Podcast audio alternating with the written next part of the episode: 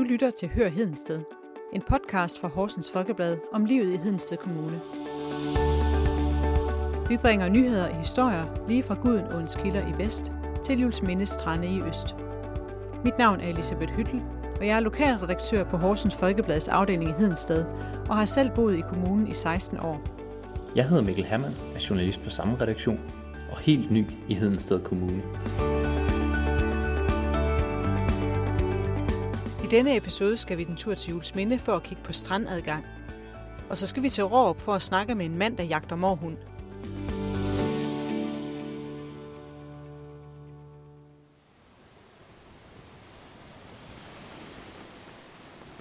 Hvem elsker ikke en tur til stranden?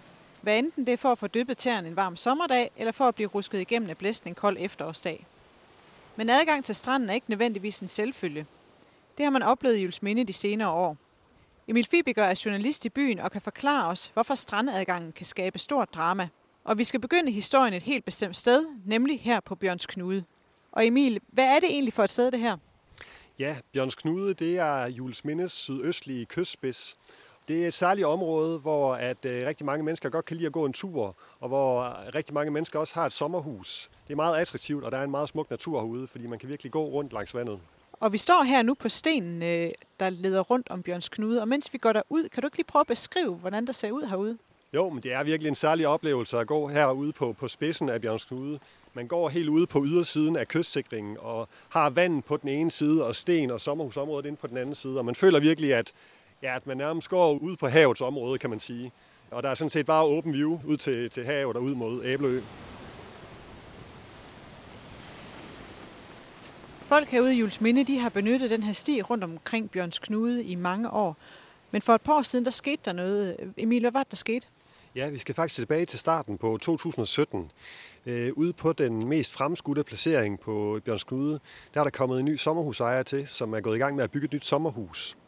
Og i forbindelse med byggeriet af det her sommerhus, så bliver en del af, den, af stranden derude spærret af, og der bliver også lagt marksten ud på en trampesti, som folk har brugt til at runde Bjørns Knude. Og hvordan reagerer folk på, at der kommer hegn op, og der bliver lagt de her sten ud?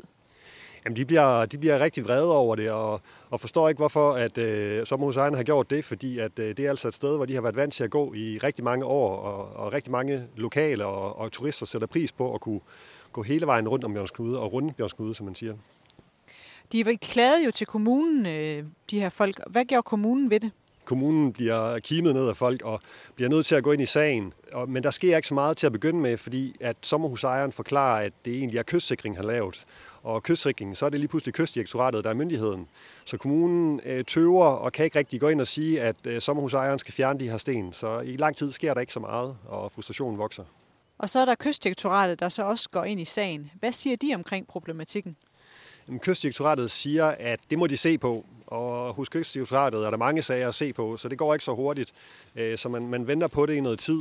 Kystdirektoratet er også ude og inspicere stedet og se, hvordan det hele ligger. Og det trækker ud, men det ender med, at kystdirektoratet siger, at øh, stenene skal fjernes, og det ender også med, at sommerhusejeren trækker sit tiltag eller sin ansøgning om at lave kystsikringen om herude lidt tilbage og, og siger, okay, jeg fjerner stenene, men jeg er egentlig stadigvæk ikke interesseret i, at folk de går rundt øh, på den gamle trampesti, øh, hvor de kan se ind af mine vinduer. Ja, for den gamle trampesti, som jeg har forstået det, så ligger den faktisk på sommerhusejerens grund. Hvordan er det i forhold til folks ret til at gå herude? Hvordan er den? Ja, det er det. Det bliver sådan lidt en diskussion om, om hævd og ejendomsret.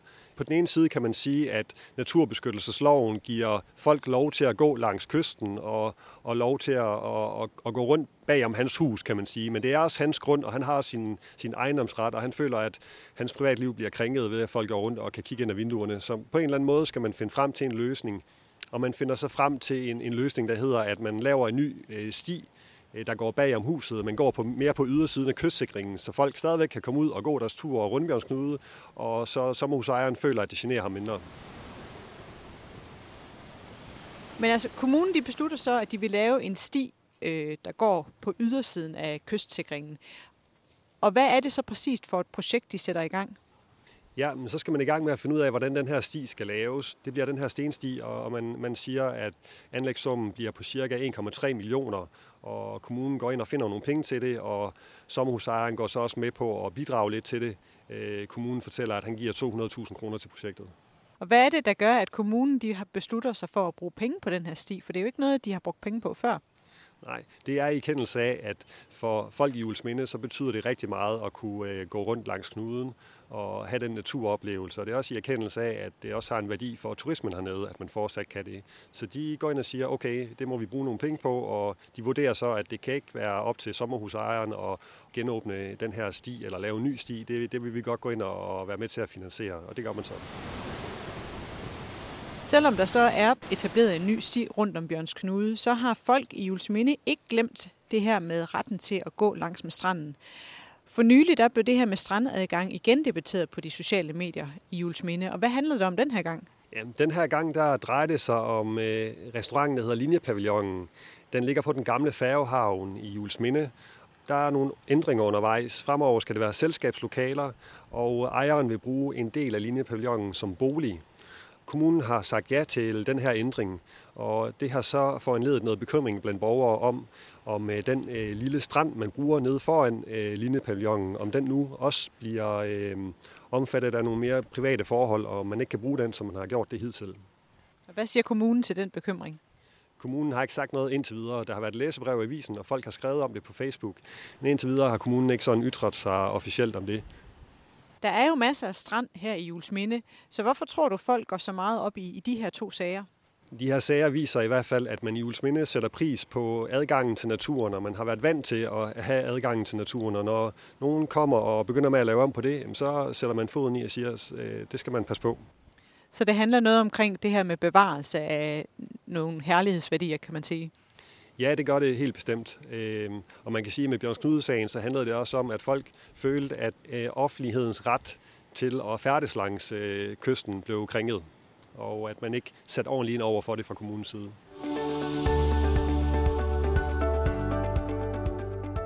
I skal selvfølgelig også have ugens lyd i denne uge. Som sædvanligt skal I gætte, hvad det er for en by i Hedensted Kommune, lyden kommer fra. Og lyden, den kommer her. Hopla!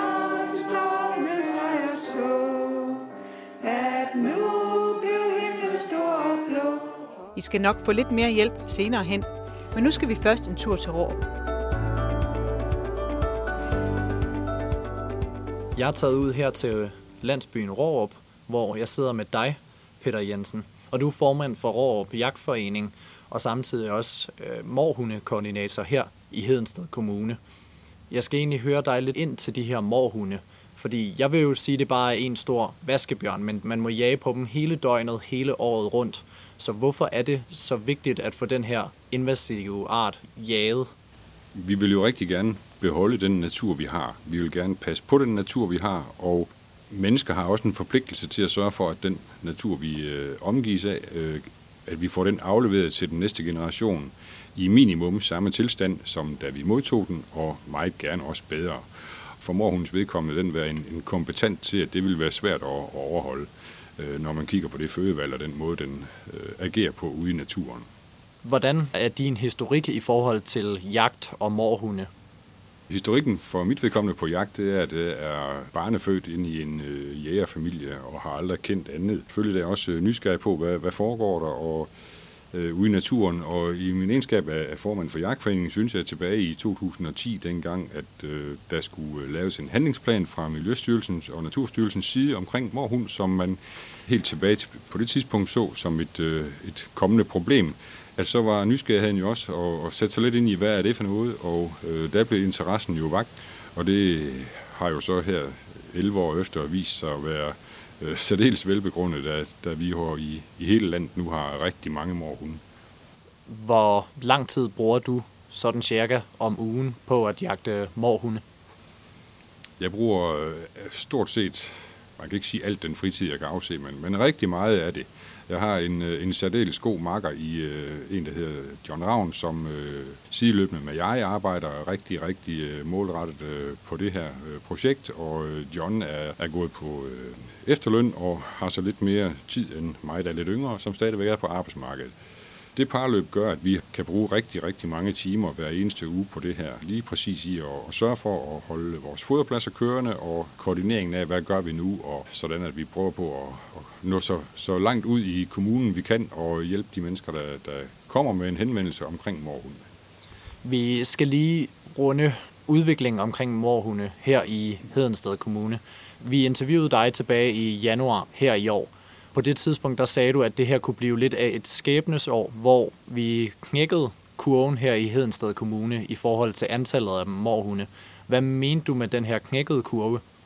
Jamen, den mente jeg jo øh, med, at øh, raketten, som man kan sige, det er øh, med bestanden af morhunde i, i Danmark, er gået ret op. Tilbage i 2019 øh, rundede vi øh, 237, og i 20 endte vi på 250. Det var øh, altså den mindste udvikling, vi har haft Øh, og det gav sådan lidt grobund til optimisme, og øh, det holdt egentlig fint fast, til vi kom øh, over øh, nytåret og kom godt ind i 2021. Fantastisk, at øh, det faktisk øh, i særdeleshed har holdt ved helt frem til nu. Vi er således nu på øh, 95 morhunde i Hedensted Kommune på datoen i dag, og vi var på 125 sidste år. Det passer faktisk ikke. Vi var på 225. Så det er øh, et, et voldsomt dyk, og det var jo det, vi egentlig øh, håbede på, og måske kunne have lidt svært ved at tro på. Men min påstand, den er i hvert fald i Hedensted Kommune, der er bestanden af øh, vildt levende morhund derude, den er knækket. Fordi de her tal, du nævner i forhold til Hedensted Kommune, det handler om, hvor mange der enten er fundet døde eller blevet jaget det tal, som vi har fået øh, af alle vores kontakter, og også øh, venlige mennesker, som hvis de ser en, der er trafikdræbt, så fortæller de os det. Det kan have en rigtig stor betydning for os, for at måske at finde ud af et, et område, hvor vi ikke har en indsats, så, det, så der har vi jo haft utrolig stor gavn af den ganske almindelige befolkning, som har, har givet os et lille tip om noget, øh, og det, det, så forfølger vi det. Dengang vi spurgte dig ind til det her, der fik vi at vide fra anden hånd, at, at Hedensted Kommune netop er pioner på det her område. Hvorfor er det Hedensted Kommune gør det så godt på området omkring morhunde? Det var fordi, at vi fra starten i 2010 kom i gang og, hold, og holdt fast, til trods for, at vi som alle andre ikke så nogen, øh, og så tror man ikke, man har den, sådan det er rundt om. Folk de siger, at vi ser dem ikke, så vi har dem ikke.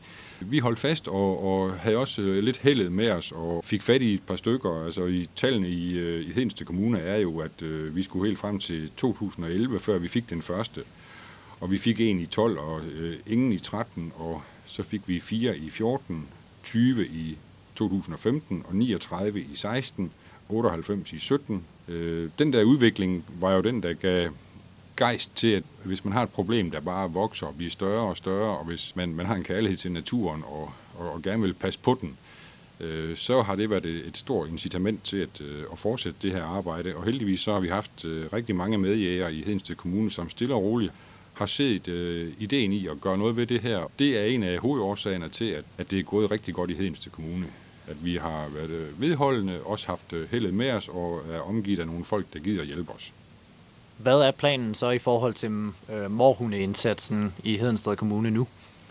Jamen det er jo øh, ikke at hvile på laverbærene. Øh, det er jo øh, fantastisk, at man kan sidde og, og have under halvdelen af, hvad man havde sidste år, men vi har også lært morhunden så godt at kende, at et enkelt slip i snoren, så er den tilbage på fuld styrke. Så lad os prøve at se, hvor mange vi kan få fat i i år her, og så bliver øh, til næste år også meget vigtigt, øh, om vi kan fastholde, at øh, kurven nu går nedad.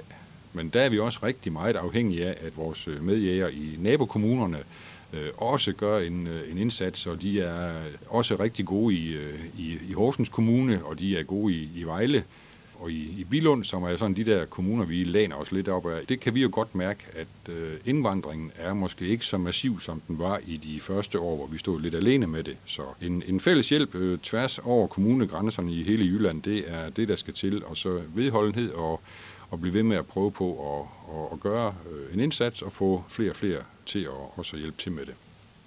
Er målet helt bestemt, at der ikke skal være nogen tilbage på et tidspunkt? Det var jo det mål, som man fra øh, Naturstyrelsen havde tilbage i 2010, øh, hvor de jo øh, skulle udryddes, eller i bedste fald ikke være ynglende i 2013. Det bliver et mål, som bliver øh, meget, meget svært at, at få fat i øh, og komme i mål med.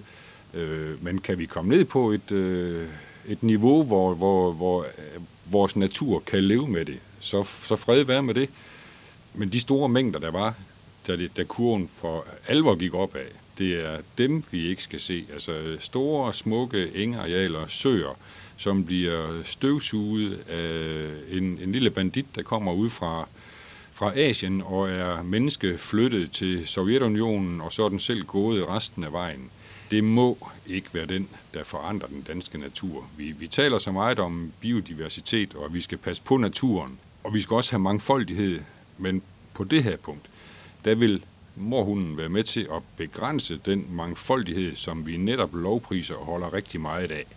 Vi skal jo for alt i verden ikke af med de arter, som øh, altid har været hjemmehørende i, i Danmark, og som vi jo nyder, når vi går ud i naturen, om det er med feltbogen, eller det er med en kikkert, eller det er med børnebørnene i hånden, eller det er med et, øh, et jagtgevær på, på skulderen. Så skal vi prøve på, at, og, at det er til, til den næste generation også. Lad os endelig fastholde det, vi har. Ellers så bliver vi fattige. Tusind tak, Peter Jensen, for at fortælle, ja, gør mig og lytterne lidt klogere på morhundene, og også bare på udviklingen her i Hedensted Kommune.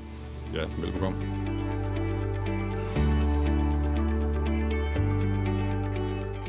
Og nu tilbage til ugens lyd. Det er måske ikke så svært at høre, hvad det er. Spørgsmålet er, hvilken by lyden kommer fra.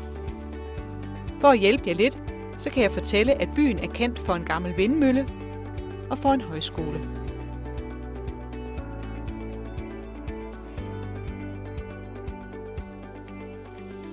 Nogle af jer vil sikkert have gættet, at vi skal en tur til Uldum. Ikke for at besøge hverken vindmøllen eller højskolen, men i næste uge skal vi tale med en butiksindehaver, der tog helt usædvanlige midler i brug, dengang coronakrisen ramte. Har du en historie, som du gerne vil høre mere om, så send os en mail på hedensted hsfo.dk. Vi høres ved.